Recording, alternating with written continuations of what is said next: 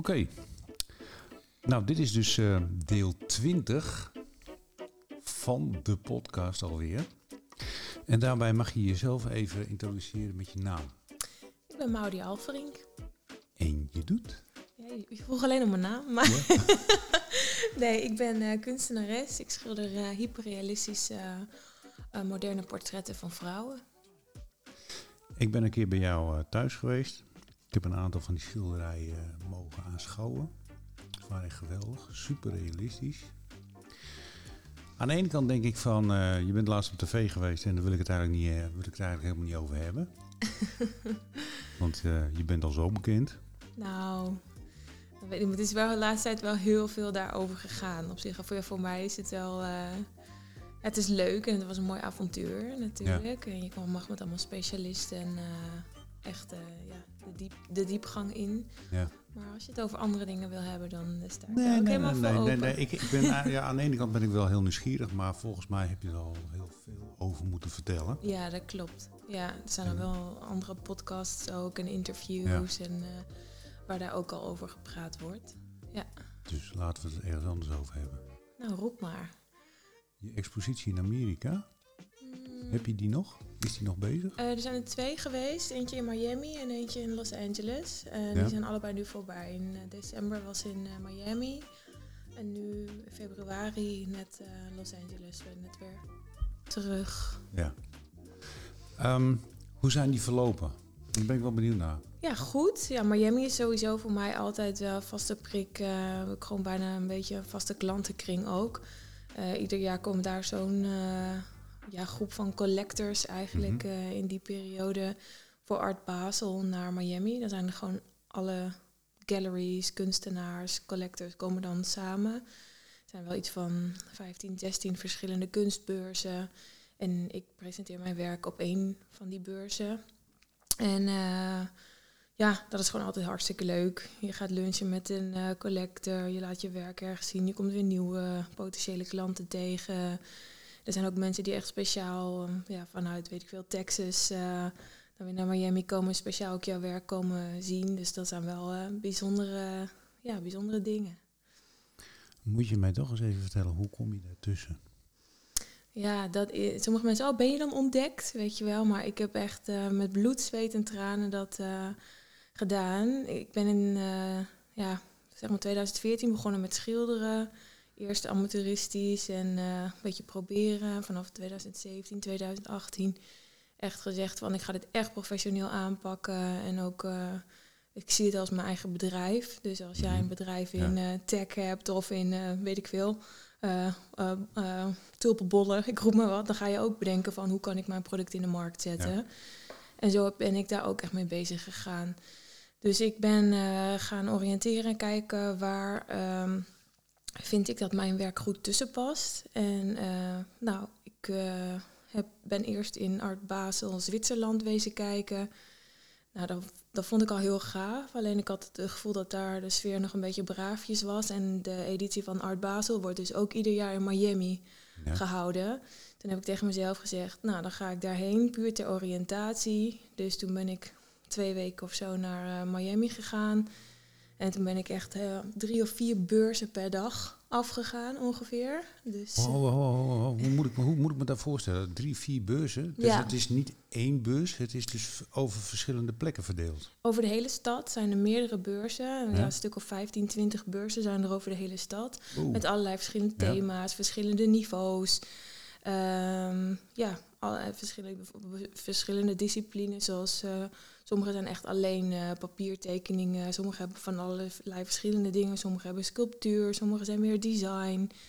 Dus toen ben ik echt overal, uh, echt overal langs gegaan. Dat was echt heel vermoeiend. Uh, ja, dus twee, drie beurzen per dag. En dan ja, 50 tot 200 dollar entree per, per beurs. En alles ja, helemaal gewoon zelf geïnvesteerd en gekeken van... nou alle kaartjes van alle galleries verzameld en beurzen qua sfeer bepaald. En daar ben ik eigenlijk achter gekomen dat er vooral één beurs was waar ik vond dat mijn werk goed bij paste. Nou, en dan heb je nog niks. Want dan, dan moet je nog binnenkomen. Dan moet je daar nog zien binnen te komen. Dus nou, toen heb ik echt het hele jaar alle galleries die daar exposeerden gemaild en uh, geprobeerd tussen te komen. Ik heb ondertussen wel aanbiedingen gekregen van beurzen die, daar, die ook in Miami uh, waren. Kon je bijvoorbeeld voor 2000 euro kon je jezelf eigenlijk binnenkopen. Maar ja, ik had dus zelf al de kwaliteit van die beurzen gezien. Die vond ik gewoon best wel slecht. Denk, ja, als ik het doe, wil ik het gewoon goed ja. hebben. Dus toen ben ik, uh, ja, die heb ik echt afgewezen. En uh, ja, maar doorgedrukt om proberen daar ergens tussen te komen. En dat lukte de hele tijd niet. En die beurs die zou dan in december weer plaatsvinden.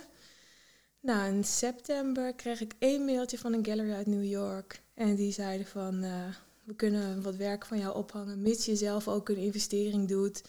En je ook zelf financieel risico neemt. En dat heb ik toen gedaan.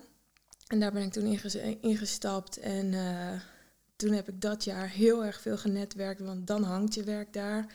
Grote vriendjes geworden met de directeur en assistent van de directeur.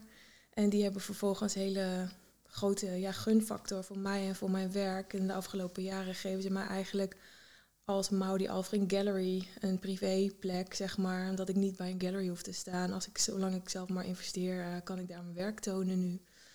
Dus uh, ja. Maar dan, moet je, maar, maar dan ben je dus aan, zelf aan het investeren. Ja om daar in zo'n galerie te kunnen hangen? Um, of was het alleen jaar, op de beurs? Nee, nee, eerste jaar betaalde ik echt aan die gallery inderdaad geld, zodat ik bij die gallery uh, op de beurs, je hebt zeg maar een hele grote beurs met meerdere galleries die daar allemaal hun werk tonen, de, werken van hun kunstenaars tonen. Ik was dus bij één gallery, één stand dan zeg maar. Daar hangen dan meerdere kunstwerken van meerdere kunstenaars en daar hing mijn werk dus tussen. Met ma door mijn eigen investering, mhm. die ik dan aan hun. Uh, dat je een stukje risico dekt, zeg maar. Ja. En dan nog, als je verkoopt, dan moet je nog steeds een groot deel afstaan aan die gallery. Dan is het nog steeds 50 procent. Uh, op dat moment had ik een deal gemaakt, geloof ik, van uh, iets van de eerste verkoop. ja, het ging van 25, 30, 35, ja, zoiets. gaat om die ja. ja, precies. Maar nou is natuurlijk de grote vraag, heb je verkocht? Afgelopen jaar bedoel je? Of afgelopen jaren? ik heb ieder jaar heb ik werk verkocht. Dus, uh, maar de, ja, de investering is ook echt gigantisch. Dus als jij uh, bedenkt dat je, ja, de, moet ik zeggen, de investeringen en de prijzen lopen ook gigantisch op. Ook helemaal na corona. Want het is niet alleen uh, investeren in die beurs om daar te staan. Maar het kost ook alleen al 5.000, 6.000 euro om je werk daar naartoe te verschepen. Ja, ja. Dus uh, ja, ik heb elke keer wel uh, één, twee of drie werken verkocht. Die kan ongeveer vijf in totaal uh, tonen. Ligt een beetje aan de ruimte. Dus um, ja, ga maar vanuit. Uh, als je dus afgelopen jaar moest ik echt wel iets van 25, 30.000 euro investeren. Ja, ga, en, en dan krijg je dus ook. Ja, ik heb het elke keer wel uitgehaald. Om, je hebt het wel weer terugverdiend. Ja, ik heb het wel weer terugverdiend en ook wel het bij opverdiend. Want wat je, je kan die werken verkopen die daar hangen. Maar je kan ook uh, werken in opdracht binnenslepen. Mm Door gewoon heel veel te communiceren en te netwerken daar met mensen die zeggen: Nou, ik vind alles super tof wat je hier hebt hangen, maar net niet helemaal mijn ding. Ik wil graag een portret van mevrouw. Uh, kan je dat ook maken, weet je wel? Ja, nou, dan gaan we dat helemaal in gang zetten. En dan verdien je dus uiteindelijk ook doordat je op die beurs staat aan het werk wat daar op dat moment niet hangt. En die opdrachten doe je dan wel weer vanuit Nederland en die verstuur je uiteindelijk dan weer door naar Amerika? Ja, die doe ik in, in principe altijd, die schilder ik altijd in Nederland, maar ik doe mhm. eerst altijd fotoshoots om een beetje referentiebeeld uh, voor mijn werk in mijn eigen stijl te creëren. En die fotoshoots die doe ik ook wel in Nederland, maar ook wel in het buitenland. Die heb ik in Saudi-Arabië gedaan, Miami. Ligt net waar die klant op dat moment wil zijn, zeg maar. Ja, ik heb allerlei foto's voorbij zien komen op Instagram. ik denk, jee, maar waar zit ze nu weer? Mhm. Maar dat zijn dus eigenlijk allemaal dingen in opdracht. ja. de, de, foto's maak je dan. En dan vervolgens ga je dus hier in je atelier, atelier ga je aan het werk. En dan moet het maar goed komen. Oh, dat komt altijd goed. Dat komt altijd goed. Kijk, dat is fijn om te horen. Daar maak ik me nooit druk om. De kwaliteit van het werk, daar maak ik me nooit druk om. Ja, het is een kwestie van geduld en tijd nemen en plannen. Nee, daar maak ik me nooit druk om. Het soms in werk in opdracht soms lastiger nog is, zeg maar, dat het in mijn stijl blijft. Maar dat de klant, ik wil ook dat een klant een leuke ervaring heeft en, en het uh, leuk vindt wat je doet. Maar ja, ik wil ook niet een uh, geitenwolle sokken uh, saaien. Het moet wel een mouw die schilderij zijn, ja, weet je. natuurlijk. Dus dat vind ik soms lastig. Oh. Zo. Ik kwam even een, een brommer voorbij, geloof ik. Flink gebrommerd. Ja. Ehm, dat vind ik soms nog, ja, soms nog lastiger. En uh, ja, ook echt nee verkopen aan mensen die iets willen wat gewoon echt niet in mijn straatje past. Ja. En uh, nou, die, die verstuur ik ook met alle liefde naar collega-kunstenaars door, waarvan ik denk dat dat daar beter past of zo. Ja. ja. Maar dan ontgroei je een beetje Nederland, of niet? Nou, ik heb eigenlijk ben nooit echt begonnen, uh, of ja, helemaal in het begin um, ja, ging ik wel eens een beetje in Nederland iets uh, tentoonstellen of zo. Een keer in een mhm. hotel of dit of dat. Maar vanaf het moment dat ik dus het, uh, ja, dat hele bedrijfskundige van mijn werk, zeg maar, uh, ben in gaan zetten, heb ik eigenlijk meteen tegen mezelf gezegd, waarom zou ik met mijn werk me op Nederland gaan focussen? Ik hoef ook helemaal niet een bekend persoon te zijn of zo, weet je. Dat is helemaal niet mijn doel. Ik wil gewoon mijn werken verkopen aan mensen die het waarderen. En dan kan je hier in Nederland. Uh, er zijn heel veel leuke collectors hoor, die uh, ook werk van mij hier verzamelen. Maar ja, uiteindelijk past mijn werk gewoon over de hele wereld op verschillende plekken bij verschillende mensen gewoon veel beter. Of ook goed in elk geval. En is het mhm. voor mij makkelijker om het netwerk te maken en om de connectie te leggen. Ja, als je op Art Basel bent en daar komen duizenden, tigduizenden mensen, uh, collectors bij elkaar die serieus geld over hebben voor een schilderij. Waarom zou ik dan in Nederland mijn werk in een hotel ophangen waar mensen moeilijk doen over 500 euro, weet je wel? Dat, uh, ja. We zijn wel echt een Nederlands, hè? Ja, dan zijn we echt Nederlanders. en niet allemaal. Er zijn echt ook Nederlanders die werk wel waarderen, zeker. Mhm. Maar ja, als ik ervan moet leven, dan ga ik het wel echt als een bedrijf uh, neerzetten. En een uh, timmerman die uh, zegt ook niet, ah, weet je wat, geeft er maar voor wat je ervoor over hebt. Weet je, nee, het kost gewoon wat het kost. Dus, en dat mag ook groeien naarmate de kwaliteit en de ervaring ook groeit. Oké. Okay. Je hebt het over bedrijfsvoering, maar dan heb je dat jezelf aangeleerd? Heb je dat van school meegekregen? Heb je dat, je hebt in Zwolle heb je op school gezeten, heb je dat daar ook meegegeven? En ik heb in op het CIBAP in Zwolle ben ik afgestudeerd uh, voor etaleren. Dus uh, nou ja, dan heb je wel iets marketing ook gehad op school, maar dat is meer een, uh, ja, de, een bedrijfsplannetje maken. En dat was echt nog lang geleden. En toen was er nog helemaal geen sprake van social media of dat soort dingen. Uh, nee, dus ik heb echt uh, heel veel uh, ja, bedrijfskundige boeken geluisterd, vooral ook. Ik hou van, kan audioboeken ja, luisteren ja. terwijl dat ik werk en dan notities maken tussendoor. Dus dat heb ik heel veel gedaan. En ook gesproken met mensen waar ik tegenop kijk, waarvan ik denk van hoe jij het aanpakt, daar heb ik respect voor. Het is een keer een bakkie meedoen of een keer een gesprek meevoeren en dan want er zijn ook heel veel mensen die tegen mij zeggen, weet je wat jij moet doen? Weet je wat jij moet schilderen? Weet je hoe jij die moet doen? En dan zeg ik altijd, oh, dankjewel, weet je wel. Eén oor in, andere oor weer uit.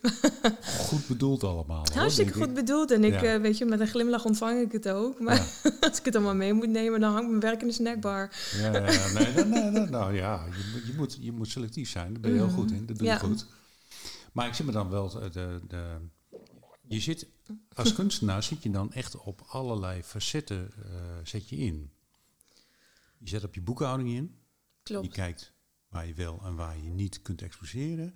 Je maakt je selectie bij galeries. Je maakt je keuzes in de portretten, in de opdrachten. Dus je bent op heel veel vlakken ben je hartstikke druk. Ja, dat klopt. Ik soms dan denk ik ook van nou, bepaalde dagen dat je s ochtends begint van nou even een paar uh, mailtjes doen, even dit of dat. En dan is het gewoon al twee uur, drie uur s middags voordat je door al je computerwerk heen bent. En dan, maar ja, ik schil je gewoon door tot een uur of uh, twaalf uur, één uur s'nachts. En dan word je de volgende ochtend weer wakker. Dus ja, en weet je, het is een keuze. Hè? Je kan zeggen van of je, je, doet het allemaal. En natuurlijk is het heus wel een keer tijd voor een agent of zo die het allemaal kan doen. Maar ik kan het nu nog zelf doen. En ik heb ook heel veel lol in. Hè. Ik vind het ook echt een sport om dat allemaal zelf uit te zoeken en op te zetten. En online promotie te maken. Dus ik vind het ook heel leuk om te doen. En uh, ik heb ook wel eens met mensen gewerkt die zeiden van... nou, ik wil dat voor je oppakken. Maar ja, dat zijn dan mensen die toch nog heel weinig verstand hebben van de branche. En, uh, ja, en die er ook uh, wel geld voor vragen. En dat is ook prima als je je werk goed doet. Ja er zijn ook mensen die naar me toe zijn gekomen en zeggen, ja, ik wil je agent wel zijn, maar die hebben van hun leven nog geen kunstwerk verkocht. Of uh, ja, die het heel spannend vinden om in zo'n, om in zo'n zakelijke wereld, uh, want het is echt heel koud soms. Het kan heel leuk en, en amicaal zijn, maar aan de andere kant kan het ook ineens knetterhard zijn soms. Daar moet je wel tegen opgewassen zijn. Heb je dat meegemaakt? Nou, ik heb wel een tijdje met een agent gewerkt die heel graag, dat was nog in 2017 of zo ongeveer, een tijdje terug. En uh, ze was echt nou, de liefste vrouw die je maar kan, kan bedenken. Maar toen ben ik met haar naar een beurs geweest en die zei, nou, zo cool en uh, ja, zo, zo koud als de mensen hier zijn, daar pas ik helemaal niet tussen, weet je. Want daar heb mhm. ik ook alle respect voor, want ja, dan moet je dat werk ook niet willen doen. Nee. Dus uh, ja, en zelf heb ik, uh, nou in principe zijn mensen altijd enthousiast over mijn werk en doen mensen vooruitbetaling. Dus dan is het allemaal gewoon netjes geregeld. Dus ik hoef in, in die zin ook nooit achter mijn geld aan. Of uh, heb ik ook geen, ik heb eigenlijk nog nooit op die manier zulke heftige conflicten gehad omdat ik dat allemaal van tevoren gigantisch indek. Ja. En ik daar ook wel echt wel voorzichtig mee wil zijn, zeg maar. Ik, ik, doe liever van tevoren drie keer te veel werk, zodat ik weet dat alles is ingedekt. Als dat ik achteraf, dat iemand bij me komt, ja, maar dit en ja, ik krijg dat. Wel eens mensen die beloftes hebben gedaan. In het begin heb ik ook wel eens fouten gemaakt. Dat je denkt, ja, er kwam er iemand die zei, we gaan een expositie doen en grote verhalen. En die komt dan met een grote Porsche bij jou voor de deur en met grote beloftes. En uiteindelijk uh, komt er allemaal geen zak van terecht, weet je wel. En dat, uh, dat zijn dingen waar je ook echt wel doorheen leert kijken. Want dat uh, zegt ook echt helemaal niks. Iemand zijn uitstraling of wat, iemand, wat voor auto iemand rijdt of wat iemand allemaal te vertellen heeft. Ze moeten eerst maar laten zien dat ze ook echt in het verleden ervaring hebben, nu doen wat ze zeggen en in de toekomst ook doen wat ze zeggen. Ja, ja. dat is een hele goeie. ja, en daar ben je dan soms wel best wel alleen in, weet je wel. Want als je in een bedrijf zit, dan heb je misschien met wat managers of zo, of met mensen te overleggen. Ja, en ik bel dan een keer mijn broer op. Of, uh, En ik heb dan wel een hele fijne mentor, Charles Parnay uit uh, Hilversum. Ook een bekend kunstenaar die al wat jaartjes meedraait. Uh, en die is ook heel lief en supportive. En die hoeft geen cent op mij te verdienen. En die zegt ook altijd van... je hoeft niet de fouten te maken die ik in mijn leven heb... of die ik in mijn carrière heb gedaan. Bel me maar op als je ergens over twijfelt. En, uh, en dat, doet, dat doet hij eigenlijk al jaren zo. Dus die, die een paar keer per jaar, dan uh, zoeken we elkaar op. En dan uh, is het heel gezellig, maar ook een beetje zakelijk. Ja. En dan praat je ook over wat je wel en wat je niet hebt meegemaakt. En ja. hoe je daar tegen kunt verweren. Of ja, dat dingetjes waar ik tegenaan loop of die, die ik wat lastiger vind. Of, en in het begin deed hij dat ook echt heel leuk. Want hij had zelf voorgesteld om mij te gaan mentoren, zeg maar. Ja. Dus hij zei, ja, dan gaan we dan en dan uh, spreken we af op Centraal Station. Zorg maar dat je er bent. Ik zei, maar waar gaan we heen dan? Ja, dat is een verrassing. Nou, dan nam hij me mee naar Artis. En dan gingen we de hele dag in de dierentuin rondlopen. En, en, over uh, prijsopbouw uh, praten, zeg maar, van de kunstwerken. Dus ja, het is gewoon echt het is een beetje mijn kunstpapa. Ja, ja. leuk. ja, het is heel leuk. Heel lieve man. Lieve vrouw ook. Maar dan heb je het over, over de opbouw van je... Um, de prijsopbouw van je schilderijen. Mm -hmm. Nou, ik, ik, weet vanuit mijn eigen zeg maar, ervaring die ik mee heb gemaakt, is dat mijn schilderijen zijn op een bepaald moment zijn ze geveild en toen gingen ze ineens omhoog. Mm En dat was voor mij zeg maar een meetlat, zeg maar, dat ik wat meer kon vragen voor mijn schilderijen. Hoe, hoe, hoe doe jij dat dan? Is dat door middel van de hoeveelheid exposities, buitenland, bekendheid? Um, wat, voor, wat voor, want ik kan me voorstellen, komen we er toch weer even op terug dat je op tv bent geweest. Het is wel een onderdeel waardoor jij bekender bent geworden, waardoor je eventueel toch misschien meer voor je schilderijen kunt vragen? Of is dat niet zo? Werkt dat niet zo? Ehm, nou, dat is nu door afgelopen jaar heb ik niet per se dat er dat maar ja, het schiet, laat ik zo zeggen, vanaf 2000. Nee, eigenlijk vanaf het begin, want ik ben echt begonnen met uh, heel voorzichtig 600 euro voor een schilderij te vragen, zeg maar. Maar ik heb dus ook, omdat ik die, dat hele bedrijfsidee zeg maar echt zo heb uitgepluist, heb ik direct tegen mezelf gezegd, nou ieder jaar als je weer een beetje beter wordt, wat meer ervaring hebt, wat meer internationaal verkoopt, mag die prijs proberen iets omhoog. Daar heb ik ook samen met Charles Parnay naar gekeken van wat kan. En in die zin heb ik zelf ieder jaar die prijzen iets omhoog gedaan. Niet gigantische klappers, maar gewoon steeds een klein beetje groeien. Nou, en er is nooit iemand geweest die zei, joh, maar dat... Uh, dat ga ik er niet voor betalen. En er zijn wel mensen die dat budget niet hebben, maar er is niemand die zegt dat is het dit niet waard, weet je. Dus dat is al ten eerste. En dan heb je ook nog, uh, ik heb nu een Nederlandse uh, art dealer die uh, op Pan Amsterdam en op een andere beurs mijn werk meeneemt. En daar heb ik gewoon uh, afspraak mee. Alleen tijdens die beurs, uh, dan verkoopt diegene voor mij. En dan krijgt hij een mhm. percentage mee. Maar daaromheen heb ik alle vrijheid. Dus ik heb niet een vast contract dat ik altijd al mijn werk via hun moet verkopen. Maar goed, die mensen die zetten mijn werk ook voor bepaalde prijzen neer. En uh, dus daar moet het ook mee lijnen, weet je wel. Ik kan niet hebben dat de ene klant een werk moet, uh, voor een bepaald bedrag moet uh, aanschaffen... en de andere voor de helft iets van een ongeveer hetzelfde formaat en -hmm. complexiteit, zeg maar. Dus, dus daar heb je inmiddels ook mee te maken als tussenpersonen een keer een werk verkopen. Ik heb één keer ook een agent in Miami, waar ik ook een soort vrije afspraak mee had. Ik kan mijn werken verkopen wanneer ik wil. Jij kan mijn werken verkopen wanneer jij wil. En als jij ze verkoopt, krijg je 40% mee. Mhm. Weet je wel zo. Maar verder geen vaste afspraken. Nou, dan op een gegeven moment gaan zulke mensen die helemaal in de artwereld, zeg maar, al hun plekje hebben, die gaan jouw werk voor een bepaald bedrag neerzetten. En dan moet jij daar wel mee. En daar verlies je ook een bepaalde klantengroep weer mee. Ja. ja. Maar ja, dat is wel ook een groei die je doormaakt. En je krijgt op een gegeven moment ook weer nieuwe klanten bij. Dus maar ja, er zijn uh, op een gegeven moment ook een heleboel mensen die altijd nog wel graag een keer een werk hadden gewild, maar dat inmiddels zeg maar niet meer kan. Dus, en, maar ja, dat is wat het is. Dus ja, je kan. Je kan uh, ja, daar had ik het volgende op bedacht bij mezelf. ja. Dat heb ik toen doorgevoerd. Uh, toen heb ik, uh, ik, ik had op een bepaald moment had ik ook zeg maar uh, dat de schilderijen gewoon te duur werden. Dat mm -hmm. mensen tegen me zeiden, ja Theo leuk, maar dat gaan we niet meer doen. Toen dacht ik van ja, dat vind ik toch eigenlijk ook heel vervelend. Dus toen heb ik bedacht van een huurbedrag, één keer per jaar betalen, heb ik nou zeg voor bijvoorbeeld een, een schilderij van 2.500 euro, betaal je 250 euro per jaar voor. En als je dan 10 jaar betaalt, is die van jou. Dus ik had daarin zeg maar en heel gespreid. Nu zijn al die schilderijen, dat, dat, uh, die zijn allemaal verkocht. En ik heb allemaal niet meer van dat soort dingen uitstaan. Mhm. Maar dat was op zich wel een, dat was ook wel een, een je had daar wel meer administratie van. Maar dat mhm. was wel een ding. Zo kun je het natuurlijk ook nog doen. Ja, um dat kan op zich wel, maar ik denk met de bedragen waar mijn schilderij op dit moment voor verkopen en de mensen die zeg maar die ja en de mensen die daar interesse voor hebben, ja, die, die betalen het gewoon en die betalen 50% vooraf en 50%, uh, 50% bij levering. En uh, daar is ook nooit een kwestie van uh, mag ik het in delen betalen. Of ik heb dat ooit één keertje gehad, uh, al jaren terug.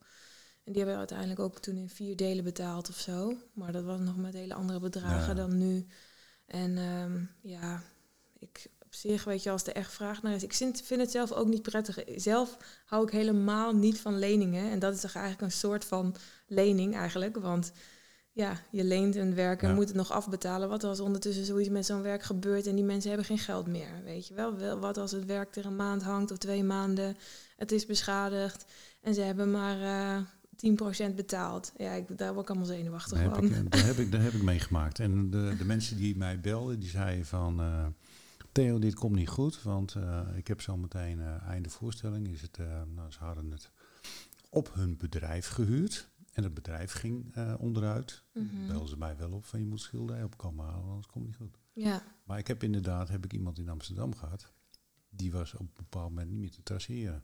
Ja, nou ja, dat soort dingen. En, dat is wel heel lastig. Dat is heel vervelend. Of dat iemand een keer, die in Deventer zelf, gewoon niet meer betaalt. Ja, nou ja, daar wil ik helemaal niet, uh, geen hoofdpijn over hebben. Dat soort dingen. Nou, daar had ik wel hoofdpijn over. Ja. Dat vond ik ook wel heel vervelend. ja. Maar dat, was wel, dat is wel het risico wat je loopt. Maar goed, ik, ik kon nog wel een hele grote groep op die manier wel bedienen, zeg maar, om mijn mhm. schilderijen. Ja, ja. Ja, dat is inderdaad een keuze dan. Ja. Uh, maar ik ben zelf ook een enorme perfectionist. En ik, ik heb... Uh, ik hoor van anderen dat ik vrij snel stress over dingen en dat soort dingen. Ja, dat vind ik dan zelf ook lastig. Of als je er dan weer achteraan moet mailen en de betalingen zijn niet gedaan. En ben je uiteindelijk wel allemaal tijd en energie aan kwijt. Ja, ik vind dat een soort van loze energie. Ja. Dus, uh, moet je ook niet aan beginnen. Als het niet nodig is, uh, doe ik het liever niet. Nee, nee, nee. De stijl van jouw schilderijen, hoe beschrijf je die?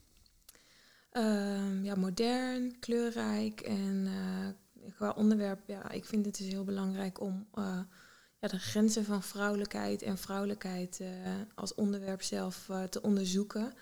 Dus het is altijd een vrouwelijk onderwerp in mijn vrije werk in elk geval. Mhm. En in werk en opdracht soms niet. En dat vind ik ook leuk hoor, de opdrachten. Mm -hmm. Maar um, nee, mijn vrije werk gaat. Um, ik heb laatst in Los Angeles een Diego Garrillo gefotografeerd. Dat is ja. een MMA-fighter die uh, in de avonduurtjes een drag queen is. Dus uh, ja, wow. ja, wauw. En uh, nou, dat vind ik dan echt geweldig. Daar heb ik al een aantal jaar een beetje contact mee. Ja. En ook ben je een keer in LA, zeg nou dan gaan we dat ook doen. Dan gaan we dat vastleggen. Voorlopig nog geen tijd voor om het werk ook te gaan schilderen. Maar ik zei, laten we dit gaan doen. Dus een hele toffe fotoshoot, leuke dag gehad samen. Hele leuke gast.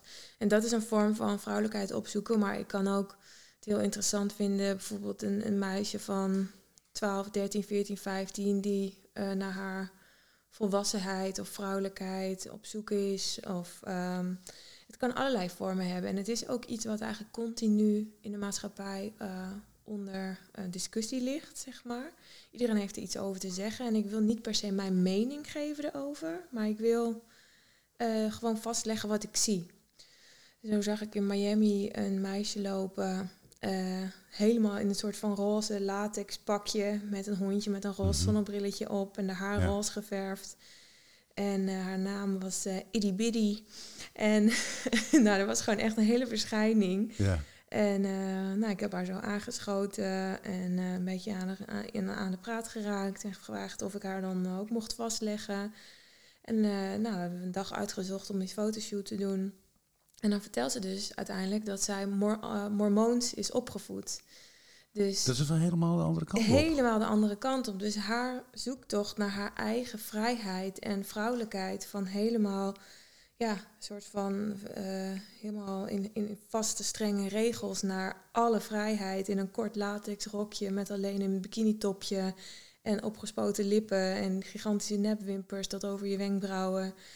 Kijk, ik zeg niet per se, weet je, dat ik dat mooi vind of niet mooi vind of daar een smaak. Ik heb daar helemaal niks over te zeggen. Maar wat ik interessant vind is uh, die zoektocht naar jezelf zijn als vrouw en naar uh, of, of als vrouw, de vrouwelijkheid, zeg maar. En, en dan het, gewoon dat vastleggen. En ik denk dat, dat dat iets is wat je wat mij een leven lang uh, kan interesseren en ook alle kanten op kan gaan. En hoe oud was je? Um, dat is een goede vraag. Ik denk dat ze uh, 21, 22 ongeveer Dus ze had echt afscheid van haar familie genomen? Ja. Want anders kan dat natuurlijk nee, niet. ze had nu een vriendje daar in Miami waar ze dan bij woonde. Ja. En uh, dat, die banden die zijn echt uh, helemaal los van elkaar. Ja, ja. ja, heel heftig.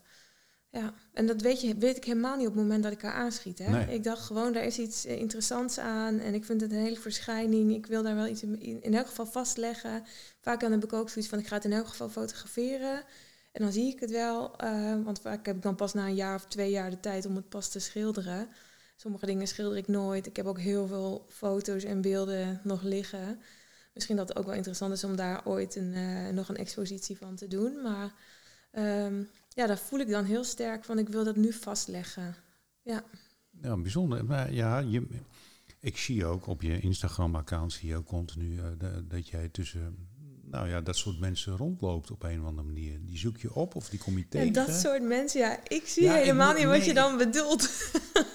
Nou, laat ik het zo zeggen. Het zijn niet de mensen die ik gewoon op straat tegenkom. Nou ben ik ook wel een beetje een oude lul, denk ik. Maar goed. Uh, maar het, het, uh, um, het zijn hele jonge mensen. En hele, um, ja, ik, um, zonder schroom. Ja, ik moet dan eigenlijk bijna mijn Instagram erbij pakken en denk, wat, wie, wat bedoel je dan? Wat dan zo... Uh, ja, weet je, nee, het zijn geen mensen die, in, uh, die uh, in een grijs pak... En, ja, misschien best in ja. een rij, rijtjeshuis, maar het zijn mensen die zichzelf durven te laten zien. Maar ja, ik denk als je naar mijn directe vriendenkring hier in Deventer kijkt... dat, dat zijn ook gewoon mensen die of een makelaar of een juffrouw zijn, ja. of weet je wel. Ik, ja, en ik heb vrienden van 70 en ik heb vrienden van uh, 19. En het is leuk met iedereen. Ja, nee, maar ik zeg ook niet dat je verkeerd gaat met, met, met dat het verkeerd is of zo. Nee, maar ik probeer nee, zeg ja. maar uh, te begrijpen van uh, überhaupt welke foto's of zo waar je het dan over hebt. Nou, die die in Miami uh, zijn, ja, ik heb natuurlijk niet die hele string. nee, ja, weet je, als ik in Miami ben, ja, dan, dan, dan ik zie alleen een hoeveelheid foto's en dan denk zo. Ja, ja, je komt gewoon allemaal leuke. Bijvoorbeeld ja. ook uh, Elfie uh, ben ik tegengekomen. Ja. Dat is een hele leuke, hele leuke gast. Dat is een, uh, ja, een soort van bodybuilder bijna. die ook heel veel in de gay en in de queer scene mm -hmm. doet. Maar die dan ja, heel erg ook de grens tussen vrouwelijk en mannelijk. Is niet per se echt een drag queen, maar mm -hmm. wel een hele stoere, gespierde man, maar die dan wel bijvoorbeeld een badpak van My Little Pony aandoet. en daar dan in poseert. En uh, ja, ik vind dat interessant om te zien hoe iemand hun zijn of haar of hen vrouwelijkheid, zeg maar. Vraag je dan ook door van uh, waarom Nee, want ik, zo of nee, maar ik, zo, heb, ik vind daar eh, niks over. Je vindt er helemaal niks over? Nee, Nee. ik leg het alleen maar vast. Ja, ik zou, dan, ik zou dan wel geïnteresseerd zijn zo van, goh joh, hoe, waar, waar, van waar deze keuze of van waar deze Nee, kledingkeuze? ik vind het dan nog interessanter waarom jij je daar dan druk over maakt. Want ik zou zelf daar helemaal niet... Diegene is gewoon lekker leuk zoals die is. En de mensen die dan dat allemaal uitleg over willen... Dat vind ik nog interessanter. Dat ik echt denk van... Hoezo Dat moeten die mensen zich uitleggen? Dat, dat zegt meer over mij. Ja, dan- ik denk nou... ik- Word ik Sorry. even, word ik even op mijn, mijn woorden gepakt? Zo. Goeie, dag dan. Nee, maar ik denk altijd, kijk, ja, ik kies ervoor om mijn haar kort te dragen en ook om mezelf te zijn. Weer een ander die kiest ervoor om haar gezicht eh, vol te spuiten met botox, weet je. wel. Ja, weet je, iedereen die doet wat hij zelf wil. Ja, ja. En zolang, ik denk, ik zeg altijd, zolang mensen ehm, liefdevol zijn eh, geen, of- en- respect tonen voor Ja. anderen, geen agressie, eh, goede bedoelingen, doe lekker wat je wil, denk ik dan. Ja. Voor jezelf kan zorgen. Ja, mijn moeder zegt altijd gewoon lief zijn. Ik denk, ja, dat is eigenlijk alles. Nou, daar is groot gelijk in. ja, dat is eigenlijk alles wat, wa- waar het om gaat. Hey, maar je hebt dus een eh, broer en je hebt je ouders. En waar, waar ligt je oorsprong eigenlijk? eh? Ik heb twee broers. Ik ben de middelste van drie. Eh, een Ah. oudere broer en een jonge Hm. broer. Ik kom uit Heten. Mhm. vlakbij Deventer in de buurt. En Ja. echt in de natuur, ja, plattelandsmeisje opgegroeid wel. En dan zit je dan nu ergens in New York en loop je overal over de hele wereld rond. En, eh, Ja, nou, ik moet ook wel zeggen dat ik zeg maar, het is heel hard gegaan de afgelopen jaren. Inderdaad, heel veel mensen ontmoet. En eh, ook eh, de meest bizarre miljonairs tot in de wolkenkrabbers van Miami gezien. En ik, ja, hoe meer of ik daar dat soort mensen ook ontmoet, hoe, hoe meer. Ik zei laatst nog tegen mijn moeder van. Wordt, ja, ik word daar helemaal niet per se gelukkig van. Als je een heel tof project mag doen, natuurlijk weet je, dat is allemaal hartstikke gaaf. ja, ja. Maar het is me echt niet zo. eh, ik heb niet een doel van, nou, ik wil ook eh, zo'n miljoenen appartement ergens in Miami en dan daartussen een beetje belangrijk zitten doen. Daar word ik eigenlijk alleen maar een beetje sip van. Als ik daar dan soms zit en afspraken heb met sommige mensen die het echt alleen maar om de pegels gaat, dat eh doe mij dan maar gewoon ja, even een stukje lekker wandelen. Ja, Of uh, ja. ik veel Nou ja, dat, ik bedoel, ik heb ook wel de nodige kunstwerken eh, bij, eh, aan de Herengracht verkocht. En Ja, noem maar op. ja. En eh nou, Epse Bos. En dan denk ik ook van, jee, maar wat een huis, joh. Je zult er toch in moeten wonen. Dat is niet mijn ding. Dat is echt niet... eh, het is groot, het is... eh, pff, Dat je elkaar moet dus bellen. Welke kamer ben jij? ja, nou, dus, weet eh, je, dat, daar heb ik niet per se afkeer tegen. Dat kan heel gaaf zijn, maar ik heb meer afkeer tegen dat je merkt dat eh, sommige mensen gewoon echt letterlijk nergens meer door ehm, eh, te prikkelen zijn. Weet je wel, als je alles kan kopen en als je ook iedere ervaring kan kopen, dan eh, ja, wat is dan nog leuk, weet je wel? Waar word je dan nog blij van? En dat merk je gewoon niet bij alle hoor, want ik heb ook hele leuke klanten. Maar bij sommige klanten wel, dat ik, dat ik er gewoon soms een beetje sip van word. Dat je denkt, nou, eh, ja, ik hoop dat je dan in elk geval van mijn werk nog een glimlach op je gezicht krijgt. Want ja, verder, eh, waar, waar heb je dan nog, zeg maar, geluk uit te halen of zo? Ja. waar word jij blij van? Waar ik blij van word, naar chocola. Dat is wel heel gewoon. Er zijn heel veel vrouwen Saai, die... hè? Ja. Saai, hè? Daar Ja. word ik heel blij van. En ik word dus heel blij van als ik dus eh, iemand zie lopen... waarvan ik zie van die doet helemaal zijn eigen ding.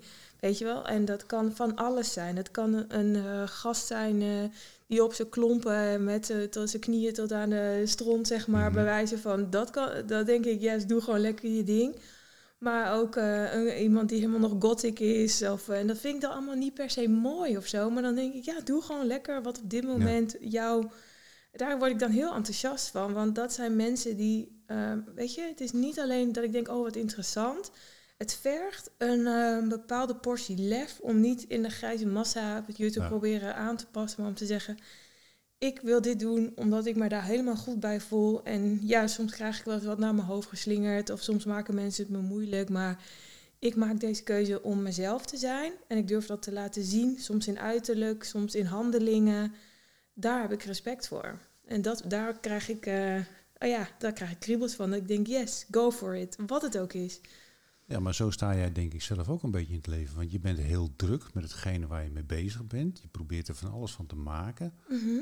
Ik denk dat het eigenlijk ook wel een beetje over je eigen leven uh, gaat dan. Ja, in die zin uh, ben ik maar, ja, doe ik gewoon wat ik denk dat op dat moment uh, ja, denk gebeuren gewoon, moet. Ik, ik, doe, ik doe wat ik moet doen.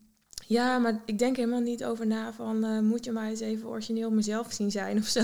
dat, dat, zo ben ik daar niet mee bezig. Ik ben vooral dan met schilderijen voor anderen of anderen bezig. En soms dan hebben mensen, ik heb ook wel eens, ja, dat mensen dan zeggen, oh ja, dat haar of zo, of zoals je je kleedt, ja, dan wil je toch ook een bepaalde portie aandacht of zo mee, dan denk ik echt van ja, nee, dat is echt helemaal niet het geval. Je wil gewoon lekker doen wat je zelf leuk vindt. En de ene dag, zoals vandaag, ben ik gewoon helemaal in het zwart. En de andere dag, dan heb ik een, uh, grote glitterjurk aan en uh, mijn haar geel geverfd, mhm. omdat ik daar helemaal blij van word. En dat is niet omdat ik jou blij of niet blij wil maken. Nee, dat doe je voor jezelf. Ja. En uh, als je mij blij wilt maken, dan. Ja, dan, dan, moet jij, dan moet jij mij vertellen. Nee, nee dat ga ik niet doen. Dat ga ik bij jou zeker niet doen. Nee, het enige wat ik denk uh, wat je kan doen, is um, positief zijn en uh, met een goede bedoeling mensen benaderen. En um, proberen ja, een positieve energie ergens achter te laten.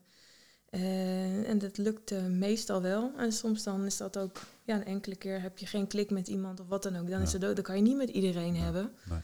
Maar ook dan probeer je gewoon met vrede, zeg maar, agree to disagree. En uh, prima. En ja, verder denk ik altijd maar gewoon uh, ja, weer lief zijn. zo. Ja, nou, dat, ja. zo is het ook. Ja. Um, de, de, de, de, wie is de bekendste persoon waar jij een schilderij aan verkocht hebt? Hele foute vraag misschien wel. Maar... ik denk Memphis Depay. En daar heb jij een schilderij aan verkocht? Ja, die heeft mij... Heb je gebracht? Die heb ik bij hem mogen brengen. Ja, dat was een heel avontuur. Die, uh, er was een samenwerking met Memphis en Puma, het kledingmerk. En uh, die Memphis belde mij op ongeveer drie weken voordat het werk af moest zijn. En dan moest ik zelf ook bedenken wat ik wilde gaan schilderen. Maar dat had te maken met dus promotie. Dat hij werd door, gesponsord door Puma. En dan moest dan Memphis keer Puma. En dan moest dan iets omheen geschilderd worden of ik dat dan even wilde doen. Ik zei, nou goed, dan maak ik wel een schetsje, een idee wat ik dan wil doen. Maar dat moest nog weer goedgekeurd worden door Puma. En dat duurde nog weer twee weken. Dus toen had ik nog maar één week om het te schilderen ongeveer. En, uh, en dan moest het dus ook nog aan het eind van die week in Barcelona. Toen hij daar, daar nog uh, voetbalde, moest het daar ook nog zijn. Dus toen heb ik echt het werk in een soort van vlakken verdeeld. Van eh, iedere dag, hoe lang ik ook slaap, en hoe kort ik ook slaap, moet aan het eind van de dag dit stuk moet dan gedaan zijn. En uh, nou, dat is afgekomen. En toen heeft mijn vader nog een speciale reiskist getimmerd, zodat mhm. het werk erin mee kon.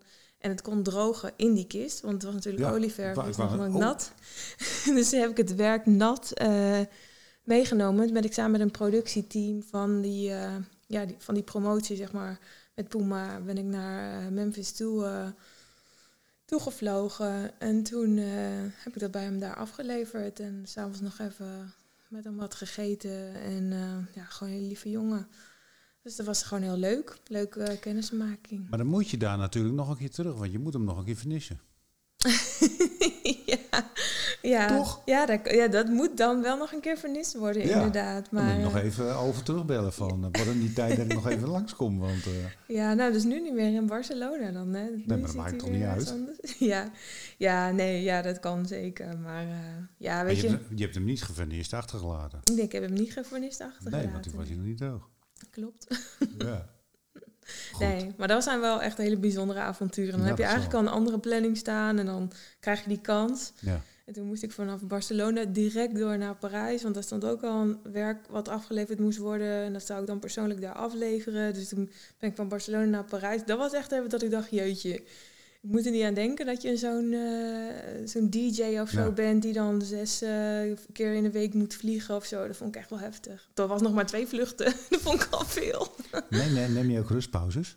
Uh, of periodes dat je zegt van nu even niet?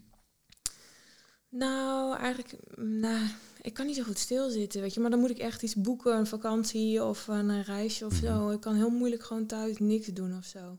Bent gewoon liefst bezig. Ja, dat zit ook heel erg in onze familie eigenlijk. Ja, voor 9 uur, 10 uur s avonds ga je niet op je kont zitten, niks doen. Gewoon, uh, nou dat moet niet, maar dat, ja, zo zijn wij gewoon allemaal. Je hebt altijd wel iets om handen. Al, je bedenkt altijd wel iets wat je nog kan doen of zo. Mee, daar ben je mee groot geworden. Ja, klopt. Ja. ja. Hey, um, we zijn over de tijd heen. Oké. dus we stoppen ermee. Ik vond klaar ermee. Klaar ermee. Ik ben er helemaal klaar mee. Ik uh, vond het hartstikke leuk gesprek. Ja, ik ook. Leuk. En, uh, ik heb over wat anders uh, gepraat. Ja. ja. Nou, ik, ik, ik, ben, ik, ben, dan ook echt wel benieuwd van hoe je dat dan doet. En hoe je... Er zitten zoveel facetten als je het allemaal zelf moet doen. Mm Waar je doorheen moet. Ja. En ja, jij doet het over het algemeen in je eentje dan. Mm nu heb je dus nu een aantal mensen om je heen die, uh, ja, waar je mee kunt sparren. Dat is dan wel fijn. Maar ja, ah, je moet alsnog, doe je het alleen. Ja. En dat vind ik dan wel weer bijzonder. Ja, dankjewel. Dat is soms ook echt wel de grootste strijd. Dat vragen mensen ook wel eens. Oh, vind je dat schilderen niet moeilijk? Dan zeg ik nee, het is vooral de, de eenzaamheid in waarin je alles moet doen. Dat vind ik het lastigste. Dat geloof ik ook wel. Ja. ja. Goed. We houden het hierbij. Hey, dankjewel. Hey, dankjewel. Timing. Bedankt. Ja, graag gedaan.